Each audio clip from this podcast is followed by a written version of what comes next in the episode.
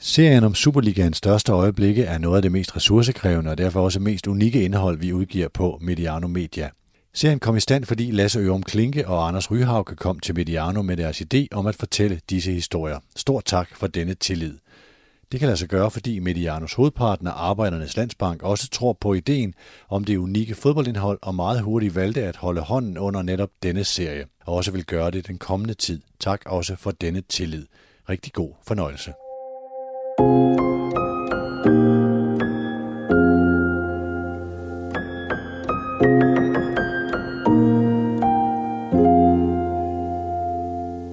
I sæsonen 1995-1996 fandt et helt specielt parløb sted i dansk fodbold. To af de allermest traditionsrige klubber herhjemme, Brøndby og AGF, kæmpede hele sæsonen mod hinanden om at blive dansk mester i fodbold. Og det hele kulminerede i en legendarisk kamp den 12. maj 1996 på Aarhus Stadion. Det var, øh, det var jo et, et hårdt kapløb der. Sandheden er jo, at vi var de to hold i den sæson. Det, det handler om, det er jo, hvem der i den sidste ende ligger nummer et. Det er enten eller. Vi kiggede på, hvad, hvad har de, og hvad skal vi? Det var bare helt specielt, når AGF og Brøndby de mødte hinanden. Vi vidste hele tiden, at vi havde den her indbyrdes kamp fire runder øh, før slutningen. Det var en kamp, som, som var finalen. Jeg vil ikke sige, at jeg var klar til at slå ihjel, men du var, du var klar til at miste tænder, og, øh, fordi den her kamp her, den var bare så vanvittigt vigtig. Det var jo to hold, der stod godt til hinanden, og vi ville angribe, og det ville de jo også. Den anden halvleg må have været en af de bedste i Superligans historie. Vi kan lige så godt tage til alt, hvad vi overhovedet kan der, fordi så ellers er det hele nok tabt jo på, på gulv. Der mangler vel kun en 3-5 minutter eller noget, og giver hjørnespark, og, og Mogens kommer løbende op. Jamen her kan jeg sgu gøre et eller andet. Og så er det bare afsted, og det er på ingen måde rationelt. Der tænkte mig, at det her det er bare løgn. What the fuck? Hvad skete der lige der?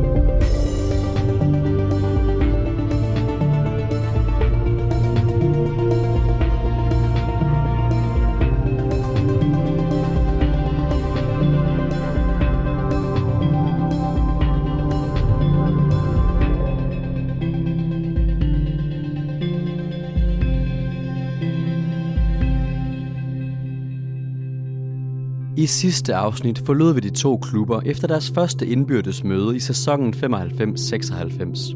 En kamp, som AGF trak sig sejret ud af.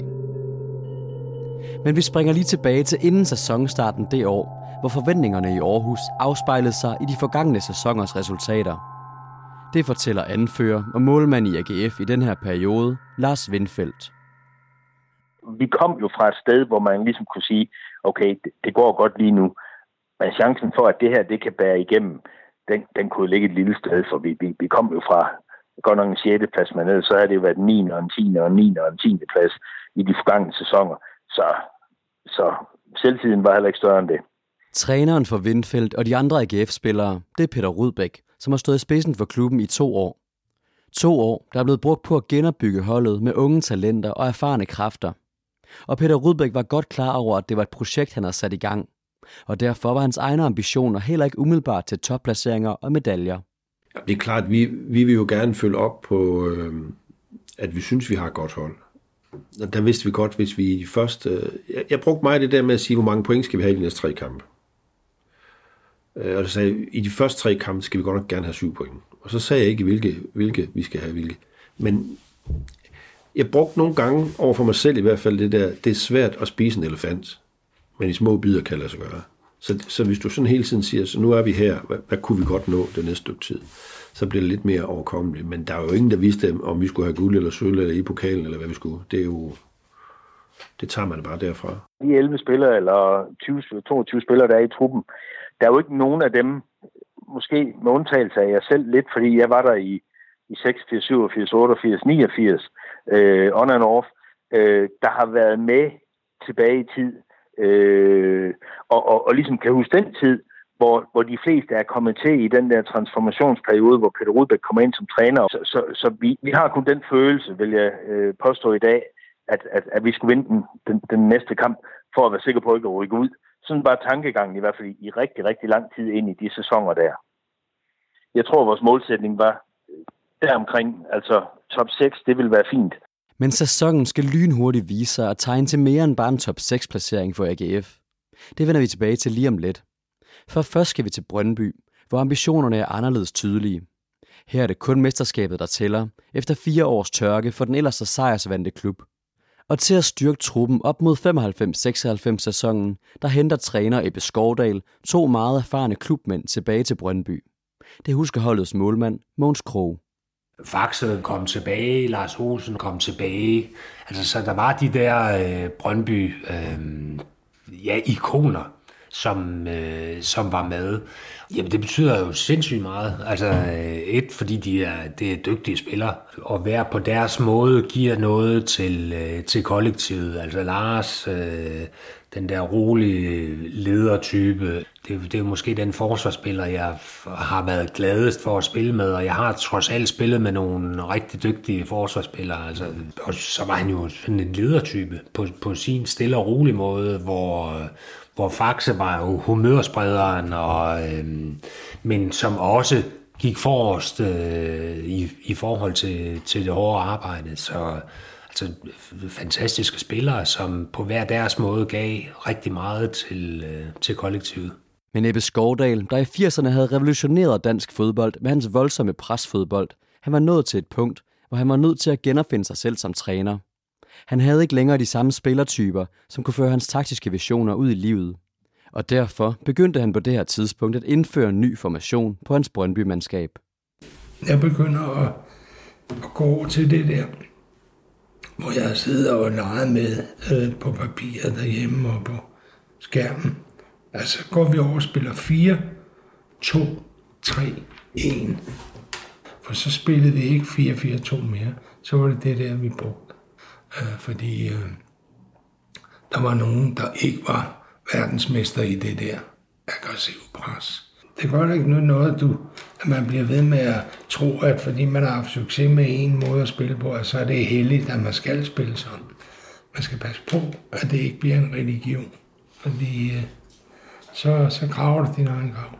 Det skal du gøre. Derfor var jeg også nødt til i 90'erne at sætte mig ned og sige, nu kan det, nu kan det sgu være nok. Nu, nu laver, er du nødt til at lave noget om her.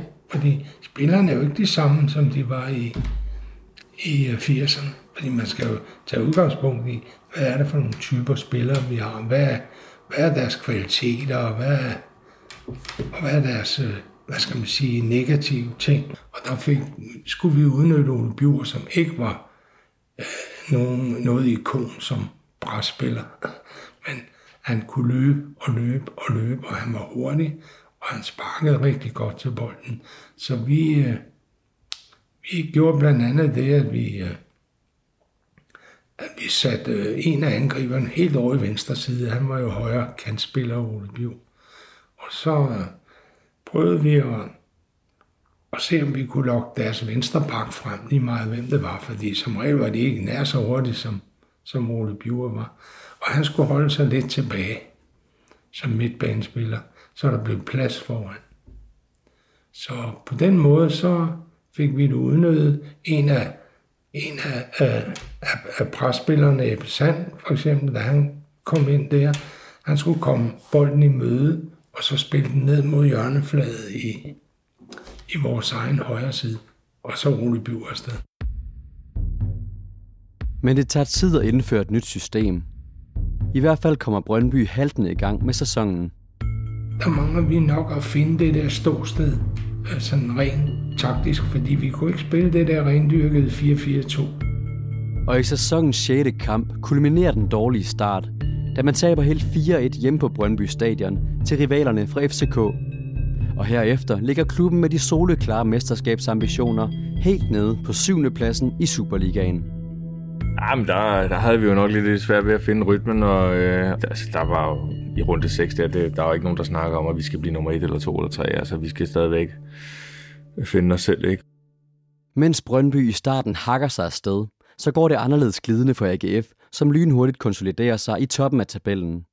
Og faktisk skal vi helt hen til 11. spillerunde, for at klubben noterer sig for sæsonens første nederlag, da OB med en 1-0 sejr får skoven under oceanerne. Og Lennart Bak kan godt huske efteråret 95, hvor tingene for det meste gik op i en højere enhed for de vige. Og lige pludselig, der, der kunne vi gå på vandet. Der kunne man bare begynde at mærke lige pludselig, hov, der, der, der er ikke noget, der kan slå os. Vi var så selvsikre på, os, på os selv, at, øh, at det, selvom vi kom bagud, øh, så vidste vi anden halvleg, så, så fik vi den. Det, det at vinde, det bliver en vane. For nogle hold, så bliver det ikke at vinde uheldigvis også en vane. Og der havde vi jo så på tre år vendt det fra den ene vane til den anden. Ikke? Så, så det blev jo noget med, at selvfølgelig kunne vi tabe kampe, men, men det var virkelig sådan, at vi tænkte, kæft, i dag tabte vi 1-1. Og, det, og vi gjorde lidt grin med det, og det var, jeg tror, jeg var den, der indførte begrebet, vi tabte 1-1 i dag. Ikke? Men, og så blev det også sådan op i vibrummet bagefter, og så blev det også sådan på tribunen, vi tabte 1-1 i dag. Ikke?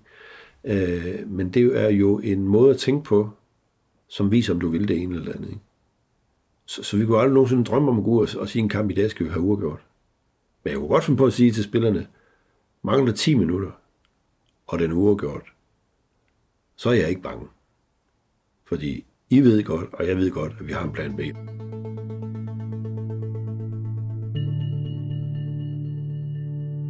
Vi kunne godt have en, øh, det, der på, på fodboldsprog kaldes en kompakt midtbane, ikke? Med, med lidt flere spillere, og hvor den, der lå helt op i spids, øh, det var Torninger, der løb og løb og løb. Hvor vi måske kunne have Martin Jørgensen liggende lige bagved, og Stig Tøfting liggende lige bagved, som, som skød frem som sådan nogle raketter. Ikke? Vi kombinerede hurtigt og kvikt op ad banen. Ikke? Vi skulle altid stå solidt øh, i bagkæderne, og så øh, ville han rigtig gerne have, have, have bolden spillet hurtigt rundt på midten, og så at, at vi fik nogle løb ned bag de andres forsvarsspillere. Og hvis den så gik død, eller de andre stillede sig langt tilbage, så, så, så trodser det jo øh, enhver form for naivitet og tro, man kan blive ved med at spille på den måde så vinde. Og der var det så, at vi kunne sige, okay, så skal vi vist til at have nogle bolde ind i feltet. Og så måske skifte en af midtbandspillerne ud, og så ind med den høje flo op foran. Så vidste alle, hvad vi skulle. Ikke? Sekundært, at, at vi havde en, en lidt øh, stor boksspiller, og en, en, altså en Hobart Flo, og så en Thomas Thorninger, så at vi slog den op på Hobart, og så at han lagde den tilbage enten til Thomas, eller til Henrik Mortensen, eller øh, Vildstrup og så videre, øh, der kom i anden række. Så det var sådan de to øh, spilscenarier, vi gerne ville. Så alle vidste jo godt, at hvis Flo var i startopstillingen, så spillede vi sådan, og hvis han ikke var, så spillede vi nok lidt anderledes. Ikke?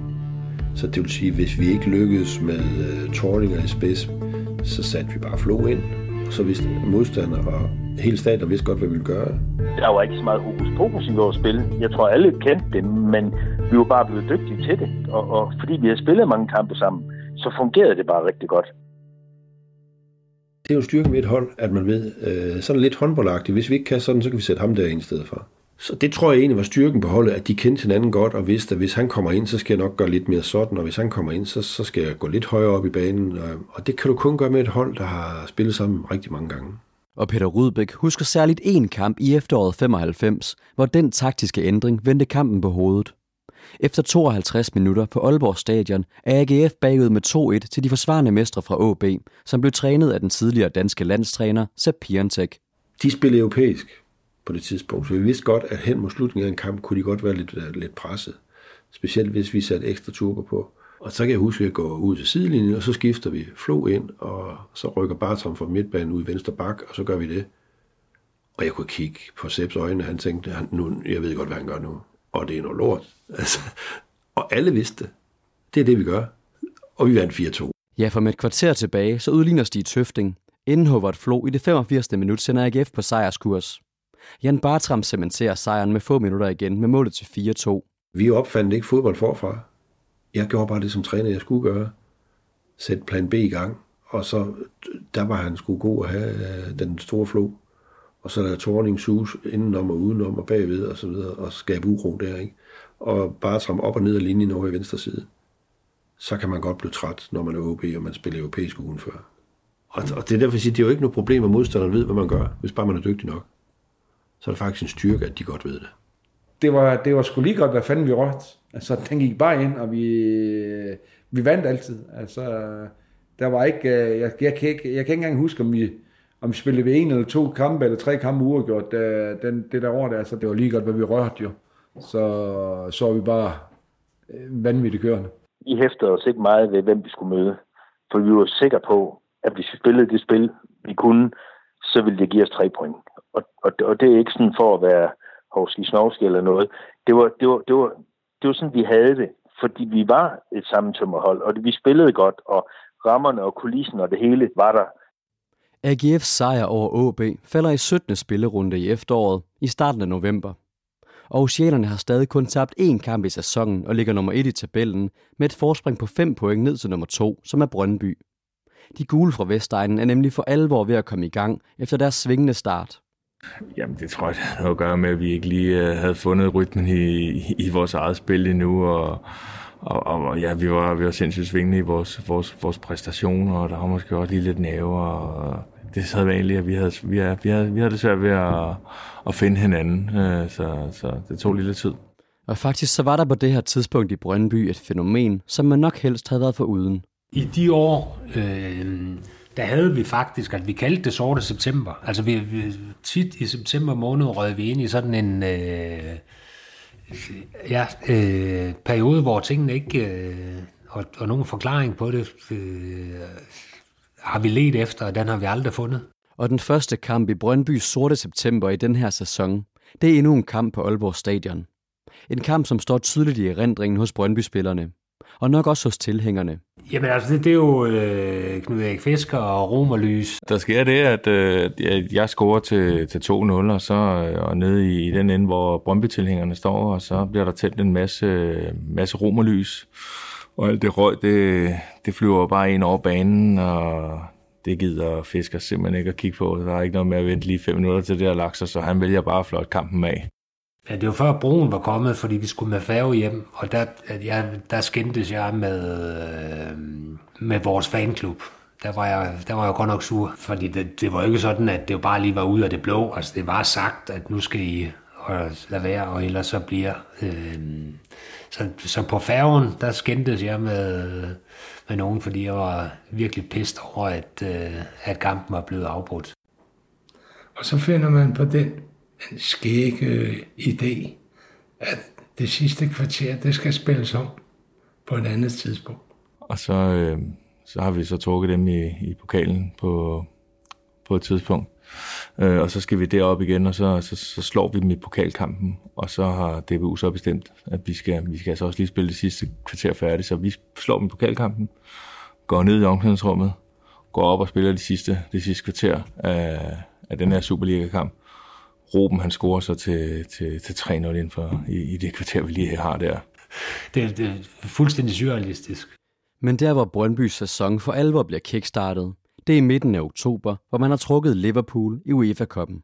Og vi har spillet, vi har spillet 0-0 øh, hjemme mod dem øh, i en kamp, hvor vi hvor vi perioder er, er, er presset godt i bund, men øh, hvor vi får, formår at få det der ene point. Og, og så skulle vi returkampen på Anfield, hvor at Ja, hvor det, det altså for, for det første var det jo en fantastisk oplevelse. Altså, der, det var jo rigtig, rigtig øh, øh, stort for, for mange af os at, at komme til at spille derinde. Jeg ved godt, at, at Liverpool ikke øh, var på toppen der, men, men stadigvæk så var det altså Ian Ross og John Barnes og øh, Stan Collymore og øh, David James og altså, øh, kan blive ved med at nævne navn, altså store spillere. Det er jo hvad skal man sige, toppen af, af toppen, ikke? Og så derover er, bliver, er ved at blive blæst om kul lige i starten med ham, Jan Ross. Han rammer overlæggeren lige inden for de første minutter. Og så, er det, så får vi styr for, for lige justere de der små ting inde på banen der. Og så har vi faktisk godt fat i Og ender med, at, øh, at Dan han, øh, han, han scorer efter en øh, hjørnspark.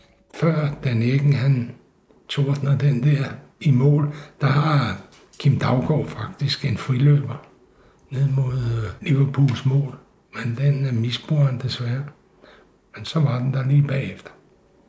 Og, øh, og efterfølgende så blev vi jo nærmest klappet af banen af alle øh, Liverpool-supporterne og sådan ting. Så det var jo det var en stor oplevelse. Øh, og tage derover og vinde, det, det gør jo også noget for, for et hold som, øh, som Brøndby, der ikke har vundet noget i lang tid. Altså, det giver jo den der følelse af, vi kan godt. Øh, og, og det var i hvert fald den følelse, vi havde på, på Anfield, hvor The Cup jo øh, faktisk i slutfasen klapper af os. Altså nu var vi jo, som sagt, der var rigtig mange unge øh, på holdet i, i, i den periode, og, og det er klart, spiller man sådan nogle kampe der, så får man, får man lidt hår på brystet. Øh, øh, fordi der, der kommer der så til at møde nogle, øh, nogle rigtig, rigtig dygtige modstandere, når du, når du møder blandt andet Liverpool. Øh, og, og du får selvfølgelig også en masse, masse selvtillid, når, når du slår Liverpool og sådan nogle ting. Så, så det er klart, det er jo, det er jo nogle ting, man, øh, man, man, man tager med sig videre i sin karriere. Hvis, hvis øh, man, man lige har en kort periode, det kommer der jo altid i en turnering, hvor, hvor ting ikke rigtig vil lykkes, og man, man får ikke rigtig scoret de mål, man har chancer til, og så videre. Så bliver man altid en, måske en lille smule bekymret, ikke? Men øh, når man så får sådan en skalp der, så, så kan man gå på vandet. Det er helt klart min, min holdning, at, øh, at det var vigtigt for os. Altså, var med til at definere os som hold. Øh, så det, det, det, det var en god oplevelse, som jeg øh, er helt sikker på, ligesom var noget, vi tog med i bagagen i forhold til, at vi så senere vinder. Fordi når vi kan vinde der, så kan vi altså også så kan vi også vinde i Aarhus. Og sejren over Liverpool bruger Brøndby som et rygstød til at finde rytmen hjemme i Superligaen. Lige inden den første kamp mod Liverpool havde man tabt det andet indbyrdes opgør i sæsonen mod AGF 2-1 hjemme på Brøndby Stadion. Men derefter kigger man sig ikke tilbage på Vestegnen. De resterende syv kampe i efteråret blev vekslet til syv sejre, og dermed haler de ind på AGF, som ellers var ved at stikke af i toppen og da de går på vinterpause den 26. november 1995, er hullet fra Brøndby op til AGF kun på 3 point. Brøndby havde et hold på vej op, vi havde et hold på vej op. Så, så, så logikken passer meget godt der. Det var øh, ubetinget, synes jeg, øh, med al ære respekt, jo de to bedste hold på daværende tidspunkt i dansk fodbold. Ja, vi var nok godt klar over, at, at det var nu var det AGF, som, øh, som ville være konkurrenten her i, i løbet af foråret. Øh, det, det havde vi jo godt kunne, kunne, kunne, kunne se. Øh, de havde gjort det rigtig, rigtig godt, og, havde jo et eller andet sted været mere stabile, end vi havde. Og de havde også slået os og sådan nogle ting, så altså, dem havde vi jo voldsom respekt for. Og dermed er scenen sat for foråret 1996, hvor de to hederskronede klubber, AGF og Brøndby, skal udkæmpe et parløb om den mesterskabspokal, som begge klubber hungrer efter at få lov til at løfte. Brøndby sluttede efteråret skræmmende af med otte sejre i træk, mens AGF viser som den stabile kraft gennem hele efteråret. Men foråret bliver ikke den samme magtdemonstration fra de to klubbers side, og særligt oceanerne kommer vanskeligt fra start i forårssæsonen.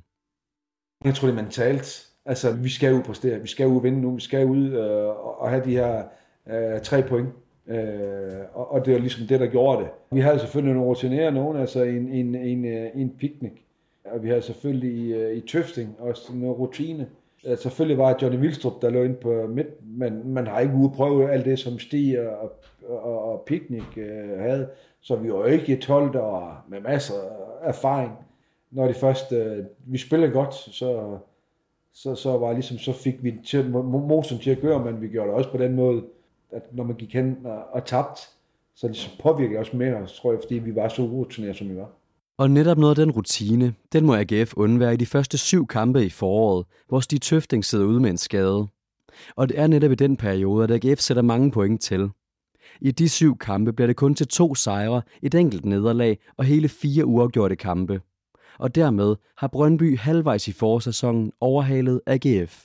Nu, nu lyder det som om Stig han var meget besynsfuld. Det var han også.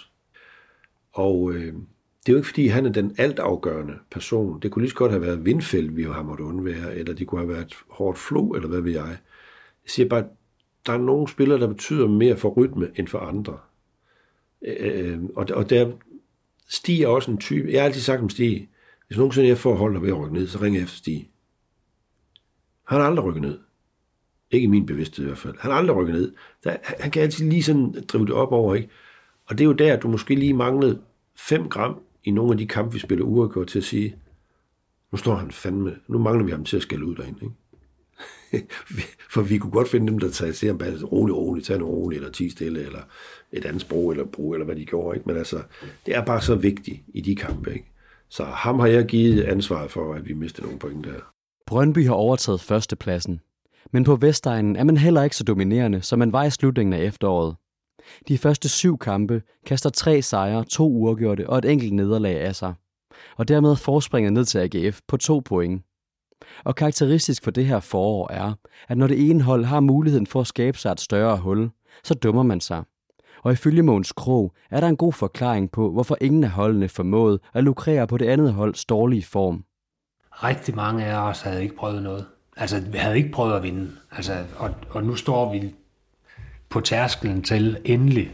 Altså, det gør bare noget øh, på den mentale del. Altså, når det er øh, så close, og man ved, at det er, det er os eller dem, altså, det, det gør bare noget, og specielt når du så står i, øh, måske med en mulighed for, at nu kan man trække fra, øh, fordi de andre spiller uafgjort eller tabt, og, og man spiller på et andet tidspunkt. Altså, øh, det, det der pres, der kommer der, øh, er der mange af spillerne på de respektive hold, der aldrig har stået i før, og derfor betyder det noget øh, på det mentale plan. Man bliver låst øh, af, af det her, jeg, man kan, jeg ved ikke, om man kan sige præstationsangst, eller hvad pokker vi, sceneskræk, eller hvad, hvad pokker man skal kalde det. Men, men det er sådan et eller andet, øh, tror jeg, der, der spiller ind, når man står for mulighed, ved øh, muligheden, og ikke har været der før. Ja, for allerede i næste runde smider Brøndby sit topointsforspring, da man taber 2-1 hjemme til Lyngby. Mens AGF lukrerer på rivalernes pointtab ved at slå FCK med samme cifre hjemme i Aarhus i Stig Tøftings første kamp tilbage fra sin skade. Og dermed overtager AGF førstepladsen igen. Men den er allerede gal igen runden efter, hvor det kun bliver til 0-0 for Oceanerne mod Viborg, mens Brøndby slår ikast med 2-0 og generobrer førstepladsen. Når du har sådan en turnering med to hold, som ligger så højt, så skal de andre jo ikke have hverken spillere eller træner, der er professor for at regne ud, at øh, Uh, uafgjort det er fint her. Og det er lidt lettere at vinde, hvis de andre også gerne vil vinde. Sådan er det bare. Hvis de andre også gerne vil frem og lave mål, så, så er det lidt lettere at finde plads. Og det var jo måske det, vi var allerbedst til. Det var at være lynhurtige i det, der i dag så smukt hedder offensive omstillinger. Ikke? Det, der gik ikke mange sekunder fra, vi fik svisken, til vi kørte direkte på kassen. Det gjorde der ikke. Så det vil sige, hvis de stillede sig ned, som Viborg måske har gjort, det kan jeg godt forstå, så havde vi det ikke så let. I takt med, at parløbet har bullet af igennem hele foråret, og Brøndby og AGF har skiftet os til at sidde på førstepladsen, så har det efterhånden længe været tydeligt, at fjerde sidste spillerunde kan gå hen og blive meget afgørende. Her tørner de to hold nemlig sammen for sidste gang i sæsonen. Og den kamp er svær ikke at have i mente, når man kigger ud i horisonten. Vi vidste hele tiden, at vi havde den her indbyrdes kamp øh, fire runder øh, før slutningen. Vi vidste godt, at det var, det var os eller dem, og det første vi kiggede på, øh, det var før iPhones, så det var tekst-tv og øh, lytte i radioen, hvordan det var gået dem. Men det var det første, vi kiggede efter, altså det var, hvordan gik det AGF. Man har jo den følelse af, at så længe man holder sig inden for de her tre point, så kan man stadigvæk selv afgøre det. Så det var ikke sådan, så det var... Øh, det var, det var katastrofe lige pludselig at ligge bag dem. Det, det havde vi egentlig okay med. Vi, vi havde en god fornemmelse, selvom vi havde tabt til den. gang den sæson, så havde vi, havde vi en god fornemmelse. Vi var begyndt at spille bedre fodbold. Vi havde forstået ståelse for hinanden bedre. Øhm, så, så vi var... Vi havde en, en tro på, at det kunne vi godt ordne.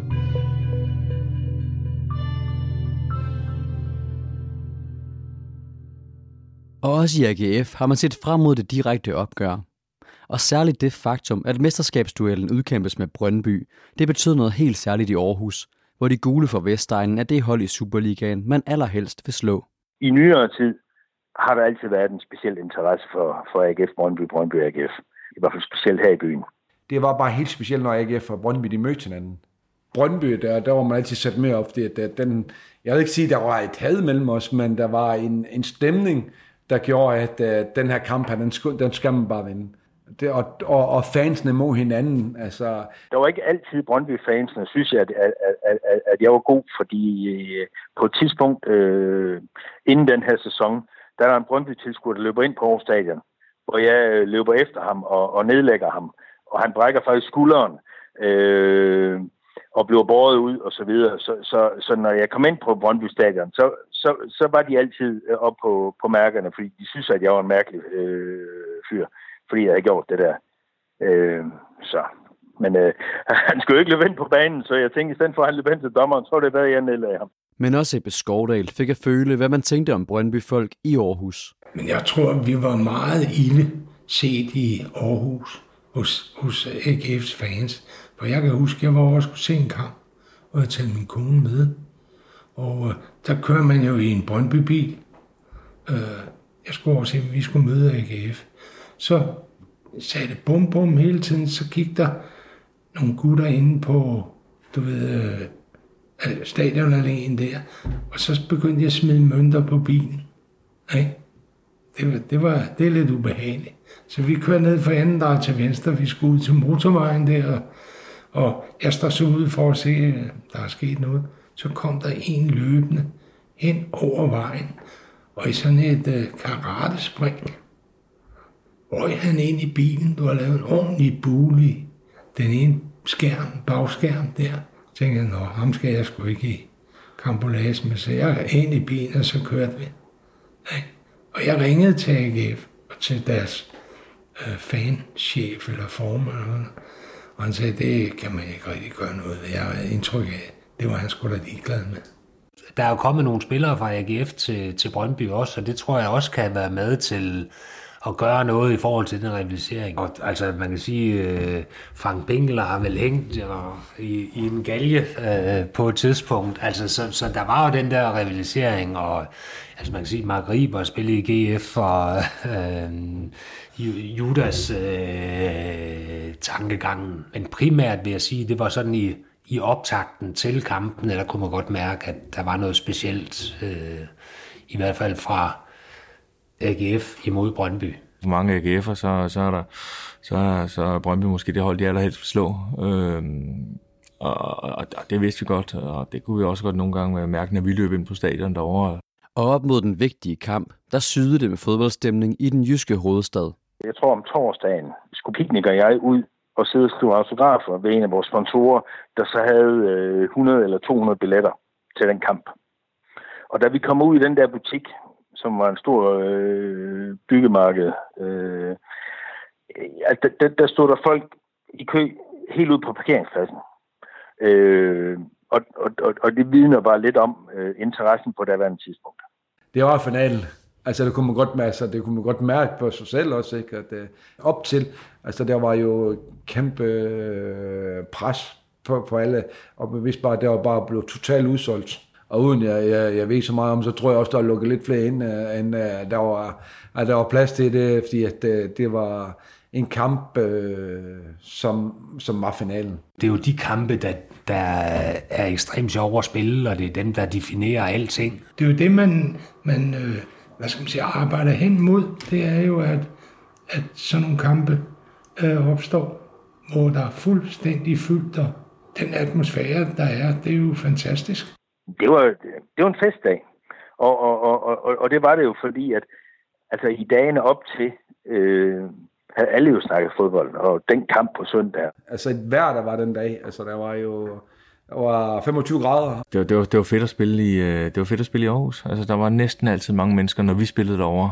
Jamen, det var jo Aarhus Stadion. Altså, det var katakomberne nede i, i omklædningsrummet med ikke så meget plads, og, øh, og, og stadion med løbebanen, og, øh, men jo et fantastisk stadion at spille på, fordi der var mange mennesker. Altså, og, og dybest set, så, så, så er det jo de kampe, man lever for. Altså man, man lever for de kampe, hvor der er mange øh, tilskuere. Det, det har i hvert fald altid for mig været sådan ansporende i, i forhold til, til præstationen. Altså det, det, det, det giver bare en eller anden anden tænding. Vi vidste jo godt, det ville, det ville blive en stor kamp, og vi, vi, vi forberedte os på, at det, det, det er jo svært at spille på, på Aarhus Stadion, og vi var klar over, at der ville komme mange mennesker. Øhm, og de ville alle sammen... Øhm, være imod os. Selvom det er fjerde sidste spillerunde, den kamp, vi spiller derovre, altså, så, så er vi jo bevidste om, at det her det er jo en kamp, vi ikke må tabe.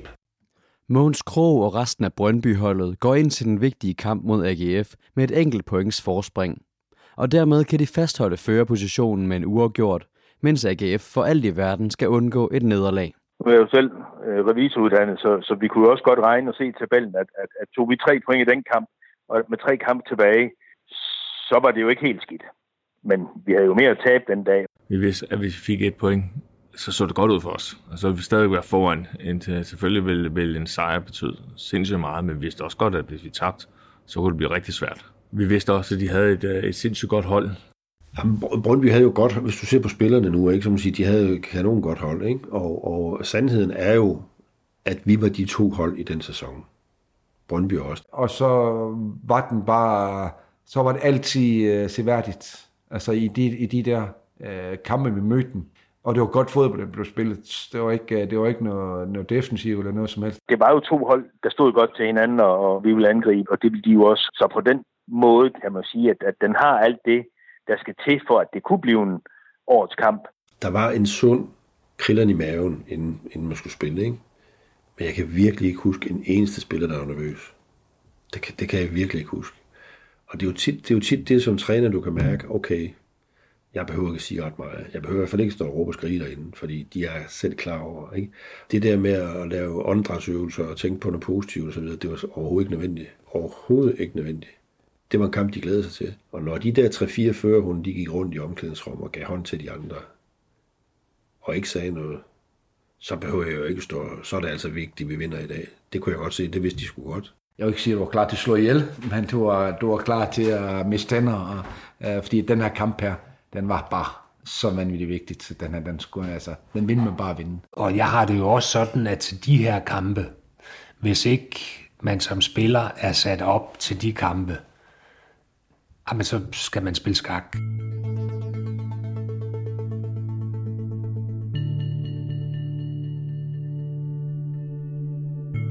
De to hold går på banen i Aarhus mødes ikke til det, der skal blive en afgørende kamp i den direkte mesterskabsduel. AGF med både Lars Windfeldt og Lennart Bak i startelveren har trukket sig sejrigt ud af de første to indbyrdes opgør i sæsonen. Men det er Per Nielsen og Måns Krogs Brøndby-mandskab, der den 12. maj 1996 på Aarhus Stadion tager teten fra start. Altså første halvleg synes jeg, vi, vi styrer fuldstændig. Altså vi har, vi, vi, vi har godt styr på den fodboldkamp. Altså vi kommer virkelig godt ud til den. Øh, og har det rigtige spændingsniveau. Og, øh, altså jeg synes, vi lykkes med stort set alt i første halvleg. Øh, af alt det, vi har talt om, og alt det, vi har arbejdet med. Øh, og Møller scorer et, et super mål, altså og, og går til pause med en, virkelig en følelse af, at, øh, at vi er ovenpå. Ja, for ganske kort før pausen gør Peter Møller det til 1-0 for Brøndby, som har gjort livet svært for AGF i første halvleg.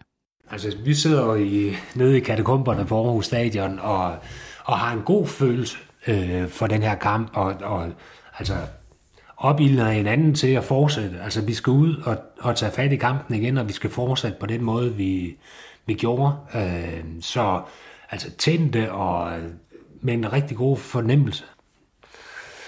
Men jeg ved ikke, hvad Rudbæk han havde, han havde sagt i pausen, eller hvad han havde gjort i pausen, fordi det, det altså, tingene tippede bare øh, stort set fra første fløjt i anden halvleg. Altså, der ændrede kampen jo fuldstændig karakter. Den anden halvleg må have været en af de bedste i Superligans historie. Vi, vi tror bare så meget på os selv, og, og, og, og, og Peter tror på os, at lave, vi justerer lidt om omkring med at komme højere på banen. Øh, og, og så, så gik det bare stærkt. Og det sagde jo bare bang, bang, bang. Ja, for efter 75 minutters spil er det hele vendt på hovedet. Henrik Mortensen har netop bragt AGF foran med 3-1 i en anden halvleg, hvor det er AGF, der sidder på det hele. Inden Mortensens 3-1-mål har Thomas Thorninger scoret de to første. Og netop Thomas Thorninger var ellers en spiller, de havde haft fokus på i Brøndbys defensiv. Vi har helt sikkert snakket om, øh, om Thorninger, som jo øh, havde scoret en masse mål, og vi skulle, vi skulle prøve at holde, øh, holde, holde styr i ham. Thorninger var jo sikker træffer det år, der Thomas var jo en gudsbenået angriber, og, og, og stod altid det rigtige sted. Thorninger, det var, det var egentlig ikke så svært at se, at han var talentfuld, men der er jo ingen, der kunne vide om, at han blev så dygtig en spiller, som han blev. For Thomas Thorninger ender faktisk sæsonen som topscorer i Superligaen med 20 fuldtræffere. Og faktisk har både ham og flere andre AGF-spillere chancer til endegyldigt at snøre sækken i anden halvleg mod Brøndby. Vi kunne snilt have kommet på 4-1. Jeg må skulle sige, at det må være svært for Brøndby at komme op fra 4-1 end fra 3-1. Men er, vi er også ikke så meget i øjeblikket, fordi det stod 3-1. Vi har den totalt i, i, i sækken. Altså, det, altså de, øh, den her, der var jeg totalt sikker på, at den kan stå 3 den her. Den har vi hjemme med den her.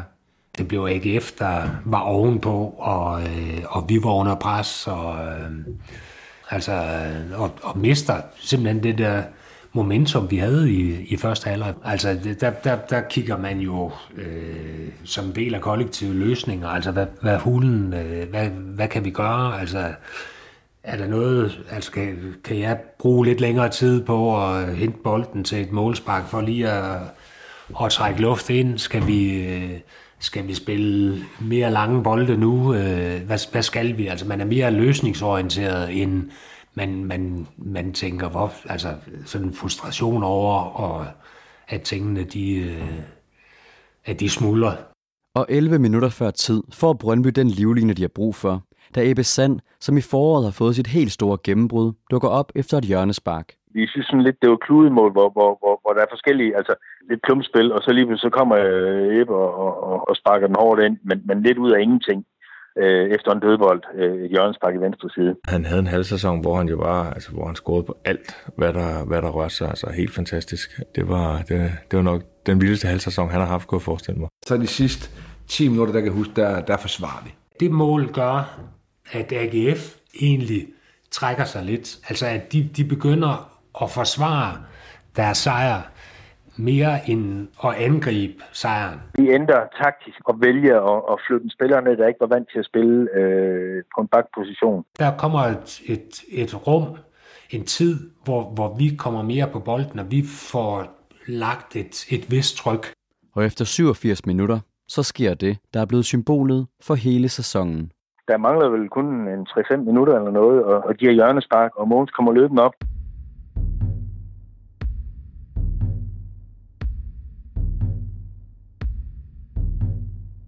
Det er jo ikke nogen rationel beslutning, fordi det er bare, altså det var bare den følelse, jeg stod med. Altså, fordi den her kamp, den må vi ikke tabe. Og, og kan jeg være med til at gøre et eller andet, så, øh, så prøver vi det. Øh, og så er det bare afsted, og det er på ingen måde rationelt. Og jeg har aldrig været rigtig været tilhænger af, at øh, da jeg havde Peter Smeichel, han ville også gerne med frem og så videre og så videre. Jeg, jeg er helt sikker på, at Ebbe synes ikke, at jeg skulle løbe med frem. Så jeg kigger sådan med et halvt øje ud til, til bænken, og øh, Ebbe han er ikke tilfreds. Det her det er ikke, øh, ikke nødvendigvis 100% nødvendigt, at jeg løber med frem, men jeg, jeg fortsætter bare. Nå, skidt. Vi kan lige så godt tage til alt, hvad vi overhovedet kan der, fordi øh, så ellers er det hele nok tabt jo på, på gulv. Og han stiller sig sådan ude omkring straffesparkpletten. Det gør det selvfølgelig, at da vi begynder lige pludselig så at sige, okay, nu er, de, nu er de en mand mere end os. Og, og jeg tror at ubevidst, de fleste i vores forsvar har tænkt, ah, der er nu bare ham stå der, han skal bare skabe forvirring. Ja, det, det gjorde han så også, må vi sige, ikke? Og øh, hjørnesparket kommer ind, og jeg, jeg kommer rent faktisk på bolden og hætter mod mål, men 5, 6, 8 meter ved siden af. Den er på vej ud over baglinjen, og Ruben Bakker kommer ned i en glidende, en glidende takling, og, og får for, for taklet bolden, eller for, for hentet bolden, Og bare fisker den tilbage. og lige får den, for faktisk får spillet mig i, i, i den. Jeg bliver jo så bare inde i feltet.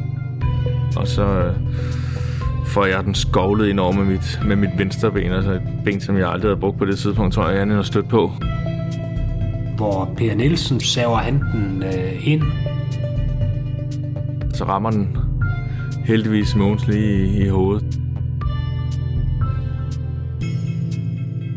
Jeg hopper op og hætter på den måde, man ikke skal. Altså, det, er- det er jo ikke noget med, at jeg løber ind i bolden og hætter med stiv nakke og sådan noget. Det er med hele hovedet, og vindfeltet er lidt fremme i, i, i målet. Og jeg går sådan et, et skridt eller to frem øh, for at vil dække målet. Og så, så hætter han en, bue øh, over mig og over sådan i, i, i det lange hjørne. Så op under overlæggeren. Og så se den gå ind. What the fuck? Hvad skete der lige der? Der tænkte mig, at det her det er bare løgn. Simpelthen ikke rigtig en keeper score på, på hovedstød. Der gik jo tusind følelser igennem en. Ja, man synes, at hele verden styrter sammen. Både spillere, fans og trænere var jo, var jo ellevilde der. Altså det, det, det, var specielt, og det var specielt, at, at nogen sådan, han, han fik scoret. Det var specielt, at vi spillede nærmest som guldet adrenalin og øh, endorfiner og hvad pokker og alt sådan noget, det hedder, der er inde. Altså, det, altså, det, det kommer bare ud. Det er sgu et godt mål, øh, med al ære og respekt, øh, hættet ind. Øh, så, men, men øh, det var ikke lige det, vi havde håbet på i, i situationen. På det tidspunkt, tror jeg, vi havde den følelse af, øh, om man ikke at vi kunne gå på vandet, så i hvert fald at, at det lå mere til os, end det lå til Brøndby i kampen. Så, så, så, så, så derfor var det, det, det var, det var nedtur. Øh, sådan en af de større i hvert fald. Det ene point igen, altså når man scorer så sent, det er jo næsten ligegyldigt, hvad det er for en kamp, men hvis man får på et point, efter man har været bagud, så, så, så føler man det jo nogle gange som en sejr. Og det, det, her, det gjorde vi også. Fordi som sagt, vi var jo godt klar over et point så når vi ikke har spillet nogen god kamp, så, så et point, det, øh, så lå vi stadig nummer et med tre runder tilbage. Så kunne vi stadig selv afgøre det, og det var jo det vigtigste. Vi havde i hvert fald en følelse af, at nu kan vi selv afgøre det. Og det, det, var, det havde vi ikke kunnet, hvis de havde vundet. Så havde vi ikke selv kunne afgøre det der. Og det var, for mig var det livsnødvendigt. Jeg var frygtelig, frygtelig skuffet, da vi taber 3-3. Fordi det er så kort før, det, det foregår, ikke? Men der, min første tanke er, der, at det, nu er der jo ikke andet at gøre, nu skal vi spille i pokalfinalen på torsdag, så nu er det den kamp, det handler om. Ja, for mens de to klubber gennem hele foråret har udkæmpet et vanvittigt parløb om Superliga-titlen, så har Brøndby og AGF sideløbende også formået at kvalificere sig til pokalfinalen. Og dermed står de to hold blot fire dage efter den dramatiske kamp i Aarhus endnu en gang over for hinanden. Denne gang i parken, hvor der er en pokaltitel på spil. Ja, men jeg, det, det kan huske, jeg tænkte ret hurtigt, det var, at øh, øh, nu er der søndag, og på torsdag skal vi spille der. Øh, har spillerne godt af at gå rundt i Aarhus? Nej. Så skal de til at forklare, hvorfor det blev 3-3 i stedet for. Så det handler om så hurtigt som muligt at få dem ud af byen og væk. Så vi tog ret tidligt til øh, Sjælland til at bo på Store Kro og på Fredensborg. Peter Rødbæk han siger, at vi, skal, vi tager på hotel nu fordi at, øh, vi skulle være ikke for journalister og glemme den her kamp her, fordi at, øh, jeg må nok sige, der var sgu ikke meget, jeg sov der om natten. Øh, det var det ikke. Og det er nogle gange, de knep, en træner kan bruge, det er at tænke, øh, hvad kommer deres tid ind til at gå med her? Og jeg tror, de havde bedre af at være sammen, end at skulle gå derhjemme, en tur ned i byen, eller derhjemme med deres familie. Fordi hvad er det, der popper op, når man kommer til at sidde stille? Det var det, der fylder noget. Og det var det var lige på det tidspunkt ikke så positivt. Det tror jeg var en god investering, at vi kom væk fra det aarhusianske liv lige der, ikke? Til gengæld, så nød vi jo så at komme tilbage om aftenen, da vi vundet pokalen. For foran rekordmange tilskuere, der er det Peter Rudbæks AGF, der vinder pokalturneringen i 1996. Det var en fantastisk forårsdag. Øh, der var 5-36.000 mennesker, som var det højeste til en pokalfinale. Sig Tøfting, han scorer Peter Dein, jeg scorer, øh, han er ikke 18 år på det tidspunkt. Og vi går ind i pausen, og der kan jeg bare huske, vi, vi kigger bare på hinanden, så siger han, det her, det skal vi bare holde, dreng. Og, og, og er det, kommer Måns øh, Krome op igen, så, så, så skal vi bare holde ham væk. Og det lykkes for AGF at holde både Måns Krog og de øvrige Brøndby-spillere væk. Og dermed kan Aarhusianernes anfører Lars Windfeldt blot fire dage efter den store skuffelse i ligaen løfte det første trofæ under Peter Rødbæks ledelse. Der var hvide trøjer rigtig, rigtig mange steder, men der var også en gul mur nede øh, på Østtribunen.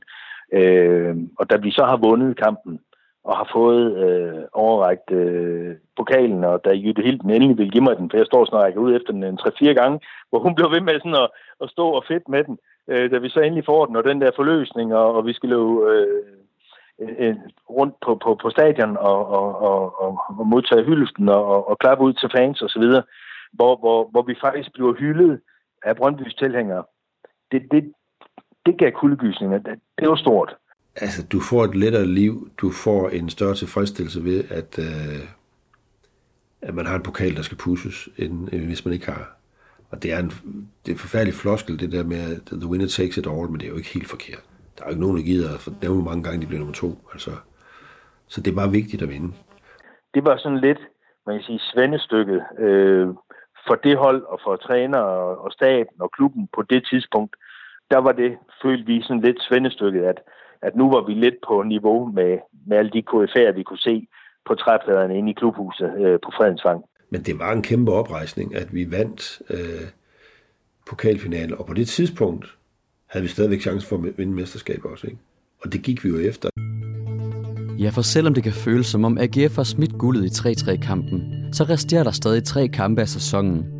Og med et forår, hvor førstepladsen nærmest på ugenlig basis har skiftet hænder mellem de to klubber, så kan alt stadig lade sig gøre. Og faktisk så skifter det allerede i næste spillerunde, hvor Brøndby dummer sig ude mod Silkeborg. Og, og Silkeborg var ikke, øh, hvad på, hvad jeg siger, ikke? men altså, det, var ikke noget, det var ikke noget sindssygt godt hold på det tidspunkt. Kommer egentlig sådan fornuftigt ind i kampen, og, og som jeg husker, det kommer vi foran. Men de udligner så lige i slutningen af første halvleg og, og anden halvleg. Altså vi, vi, selvom vi stadigvæk har den tro, vi kan, altså vi kan, så spiller vi bare dårligt. Altså, øh, og, og, og fik aldrig rigtig skabt et, øh, synes jeg, et tryk på dem.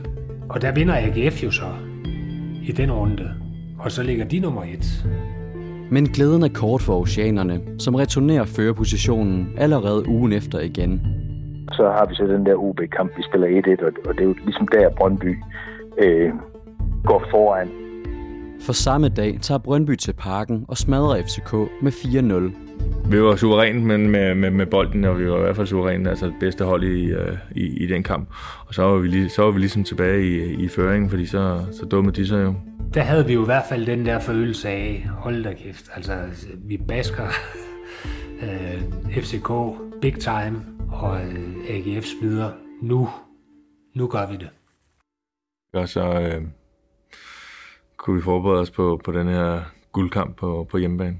Der er jo ikke noget som guld og guld her, når man har prøvet det før, og haft sådan et dyk, som Brøndby havde øh, ind i, lidt ind i 90'erne. Så handlede det her ene og alene om at tage et mesterskab igen.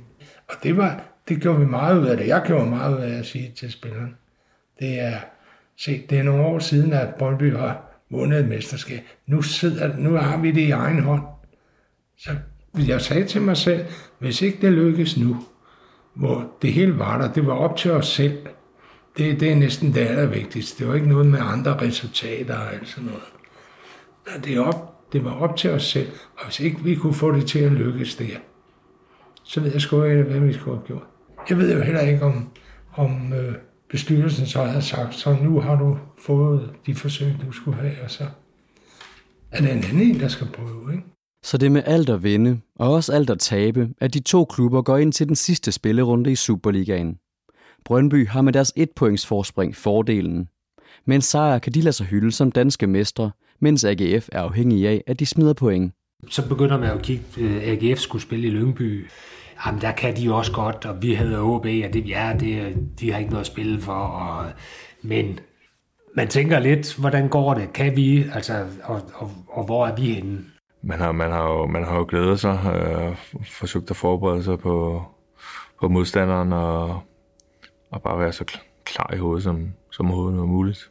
Ja, og, og den kamp, altså vi, vi kommer faktisk lidt skidt i gang med kampen. Og rent faktisk, så vil jeg jo, øh, i den sæson vil jeg egentlig lige så gerne huskes for den redning, jeg har på øh, Søren øh, Andersens øh, skud på øh, 10 meter øh, fra mål i, i netop den kamp ved stillingen 0-0. Jeg tror, det er et hjørnespark eller et frispark, som falder ned øh, til... Øh, til Søren Andersen, sådan øh, imellem straffespark, pletten og øh, kanten af det lille felt, og fuldstændig fri flugter øh, lidt ud til, til min venstre side, heldigvis i chokoladehøjde, hvis man kan sige, men altså hvor jeg får kastet mig ud og, og med et stift håndled for blokeret den ud til, til et nyt hjørnespark. Men hvad havde det så betydet, hvis, hvis han havde scoret, og i stedet for, at, at jeg redder den, og, og vi så øh, efterfølgende scorer til 2-0. Og mens Brøndby er ved at gøre arbejdet færdigt, så gør AGF også det, de skal med en 2-0 sejr over Lyngby. Men det er som bekendt ikke nok for oceanerne, der må se drømmen om The Double smuldre. Og så står vi over på, på Lyngby Stadion øh, og får sølvmedalje, og var jo ikke specielt glade. Øh, vi gjorde, hvad vi skulle. Øh, Brøndby gjorde jo bare det, de skulle, og de vandt øh, ligaen. Øh, og når man står med de fleste point til sidst, så er det jo også fortjent. Følelsen, de var blandet jo. Altså, vi har tabt guldet jo. Det, det havde vi jo, fordi vi har, vi har, vi har også der har ført øh, flest gange i, i, i sæsonen, ikke? og så blev vi overholdt øh, indenom. Altså, det, det var vi bidt over. Det, det, det var helt sikkert, at vi, dengang vi gik på ferie. Jeg var sgu da ærgerlig over det, men det, det var ikke sådan, jeg lå søvnløs. Det var kun en uges tid, jeg gjorde det. Altså, vi, vi vandt pokalen. Øh, øh, Tøfting og, og Picnic kom med landsholdet til England.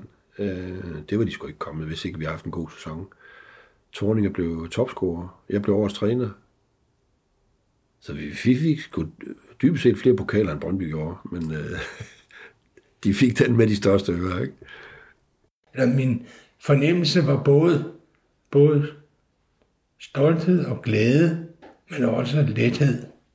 Altså man var lettet, ikke? Altså jeg var lettet, fordi det var det, vi havde arbejdet hen mod, og det var en fest uden lige. Så det var, øh, det var, ja, det var et stort øjeblik, altså, da den kamp den blev fløjt af. Selvom det var også, øh, det var lidt kaotisk faktisk, altså i forhold til så mange mennesker masser af mennesker, der, der kommer, der kommer faren ind på, på banen. Jeg ender jo med at, at, at løbe ud af banen, kun iført øh, strømpesokker og, ja, og ikke mere. Holder mig for kalorius, og øh, ja, det, det var sådan, det, det foregik, fordi at øh, fansen, de havde fået trøjer, de havde fået bukser, de havde hed alt af os og sådan nogle ting, så, så der var fuldstændig kaos ind på, på banen øh, efterfølgende. Øh, og, og det viste jo bare, at det var enorm glæde øh, for, for alle i, i, i klubben. Ikke, og som sagt, ikke kun, ikke kun os, der havde, der havde spillet ind på banen, men, men det betyder rigtig meget for alle. Men det var jo også en forløsning, kan man godt sige. Det er nok det rigtige ord at sige. Det var en forløsning for, for Brøndby. Nu er det tilbage igen.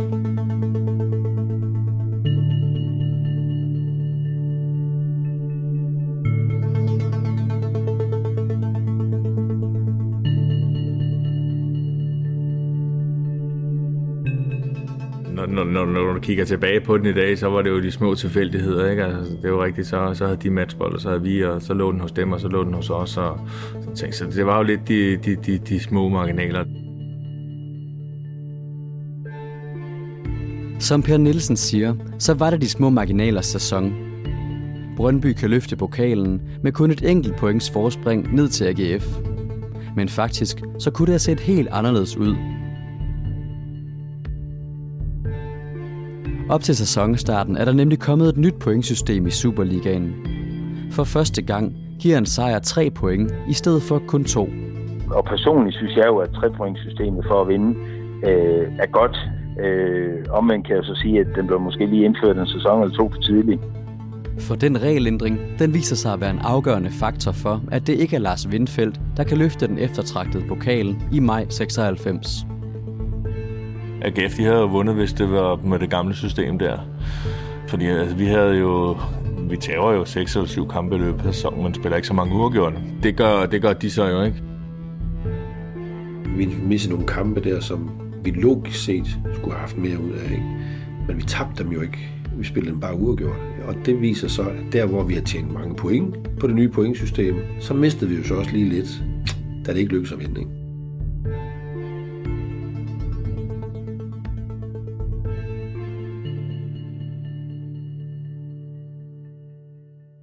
Men historien taler sit tydelige sprog. Brøndby blev mestre, og AGF måtte nøjes med sølvet. Og om den fordeling af medaljer har været definerende, er svært at sige.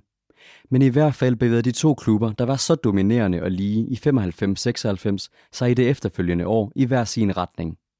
For AGF's vedkommende fulgte de sæsonen op med en pæn tredjeplads, men faldt derefter længere og længere ned gennem tabellen og sluttede 90'erne af med to tiendepladser.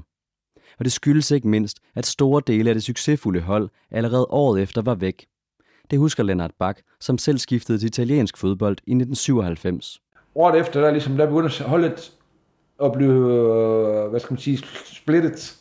Der begynder at forsvinde, øh, jeg tror, der forsvinder en 3-4 stykker. Der er sommerpausen, og så tror jeg, når vi kommer til vinterpausen, så tror jeg faktisk, øh, der er en hel del af holdet, der er ved at være væk. Øh, så de, de gik faktisk rimelig hurtigt i 96-97 sæsonen, at øh, folk forsvandt. Der er flere ting, der spiller ind. Øh, men en af tingene er, at, at AGF har jo været i overhængende økonomisk øh, krise øh, i nogle år inden, og øh, har i hvert fald valgt på daværende tidspunkt en strategi med relativt korte kontrakter. Og, og så falder Bosman-dommen, som jo muliggør, at nogle af spillerne, der ikke havde kontrakt længere til sommerferien, blandt andet Martin Jørgensen, at tage afsted. Så vi fik det, vi kaldte en overladning på holdet op til sæsonen 96-97, som Brøndby og andre ikke havde. Og, og, og det kan man jo sige, var det årsagen? I don't know. Men øh, der kom i hvert fald noget udskiftning på vores hold, som ikke øh, gjorde, at, at, at, at vi kom op og havde så stærk en sæson året efter og året efter igen. Så jeg tror, at jeg tror ikke, der var ret mange spillere tilbage i, i øh, jeg kommer tilbage i, øh, i øh, 99-2000, der tror jeg ikke, der, jeg tror, der, der er Gunnar Linder, Øh, ja, der er ikke, der er Lars Windfeldt var der også. Men der var i hvert fald, de mister utrolig mange af dem. Jamen altså, rutinen var ikke der.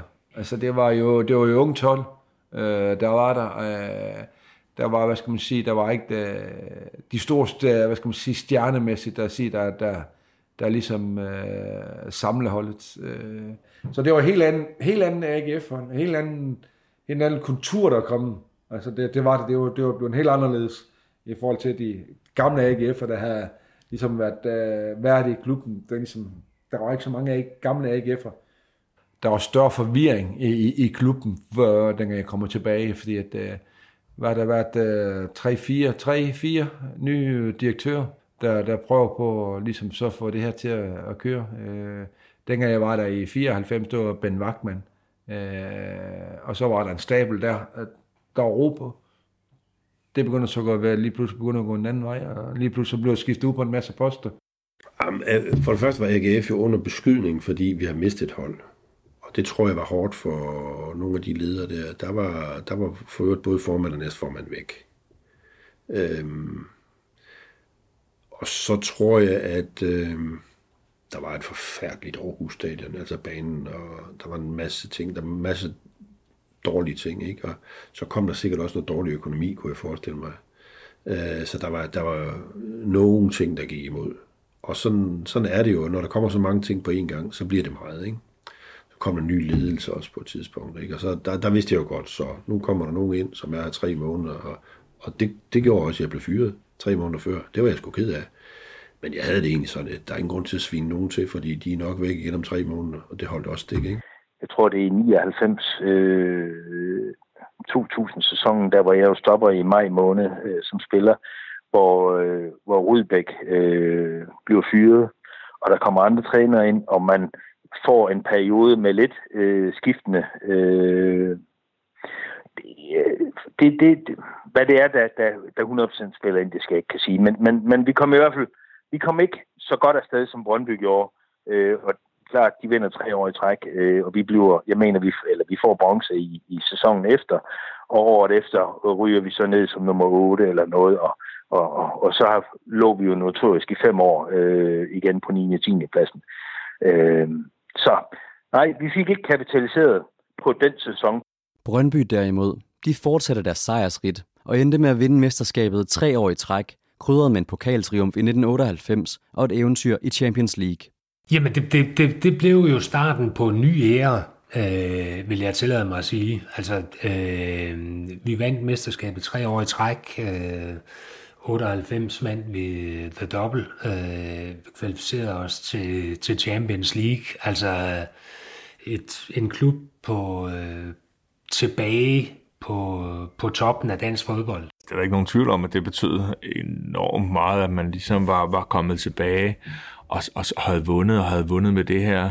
Altså, der var, der var mange unge spillere, jeg med på, at vi, vi også havde Lars og Mogens og, og Vilfort. Øh, vi havde også rigtig mange øh, egne avn, som, som var kommet op og som havde gjort det. Det vil sige, vi, vi, vi vidste også godt, at der var masser at bygge videre på.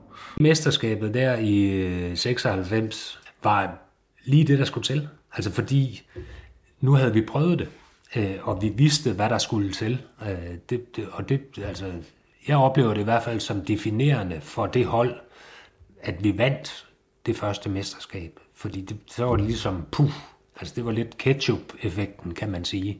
At øh, det her, det vil vi altså, det vil vi prøve igen, og nu vidste vi, hvad der skulle til. Fordi det er øh, et stykke hen ad vejen, så er det ukendt land, og så kan det godt være, at Vilfort han har vundet mesterskabet før, men at få, altså få fortalt os, hvad er det for en følelse? Altså, hvad, hvad er det, det gør? Øh, det, det er bare svært at, øh, at give videre.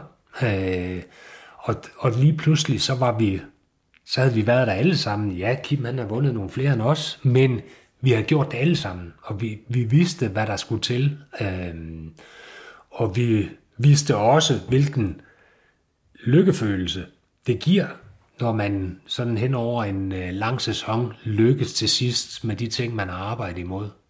Øhm, og den der tilfredsstillelse ved det, den vil man gerne prøve. Og det ved man ikke, før man har prøvet det. Der er jo for nogle af spillernes vedkommende, der er det jo også den smag af succes og mesterskaber, der får dem, nogle af dem til at sige, ej, nu, nu tror jeg sgu, jeg bliver her, ikke? og se, hvad, hvad det ender med. Ikke? Ja, vi, vi har som hold, som, der, der har vi haft en kontinuitet igennem flere år, og det, det synes jeg igen bare er et bevis på, at det er det, der skaber resultater. Vi fik i hvert fald skabt øh, et af de aller, allerbedste hold, der har, der har været i klubben til historie.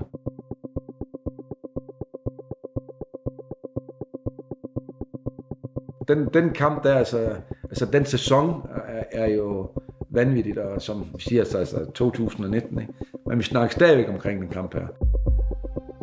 Hvis AGF havde fået lov at vinde den her kamp, så havde de taget mesterskab. Ingen tvivl om det man hæfter sig ved nogle af de de store ting, der, der sker, og så, så glemmer man måske øh, mange af de andre kampe og, og resultater. Så det er der selvfølgelig 3-3 kampen om Mogens Krogs mål på Aarhus Stadion, der, der definerer, at vi får sølv i den sæson. Men er det ikke sådan en historie er, og det er sådan en historie, gerne vil skrives, at det var den kamp, det blev afgjort, ikke? Og det kan jeg jo ikke, øh, så skal jeg jo bruge resten af mit liv på at forklare, at sådan ser jeg ikke helt på det. Men jeg kan sagtens forstå, det symbolske i det. Fordi det er, jo, det er en meget kort og effektiv måde at sige det på. Og det er jo rigtigt, at hvis vi ser på pointene bagefter, hvis vi havde valgt at vinde i stedet for at spille uafgjort, så var det måske gået anderledes, ikke? Men, men jeg ser bare, øh, at det var et helt andet sted. Vi ikke fik skabt det forspring, vi skulle have gjort. Jeg spiller på All Boys øh, landsholdet, og øh, der spiller jeg jo med Stig og andre af, af drengene fra GF også, og, øh, og Stig siger stadigvæk en gang imellem, øh, ja, ja, det var jo ikke det mål, der, der afgjorde mesterskabet. Og det kan jeg kun give ham ret i. Det var det jo ikke.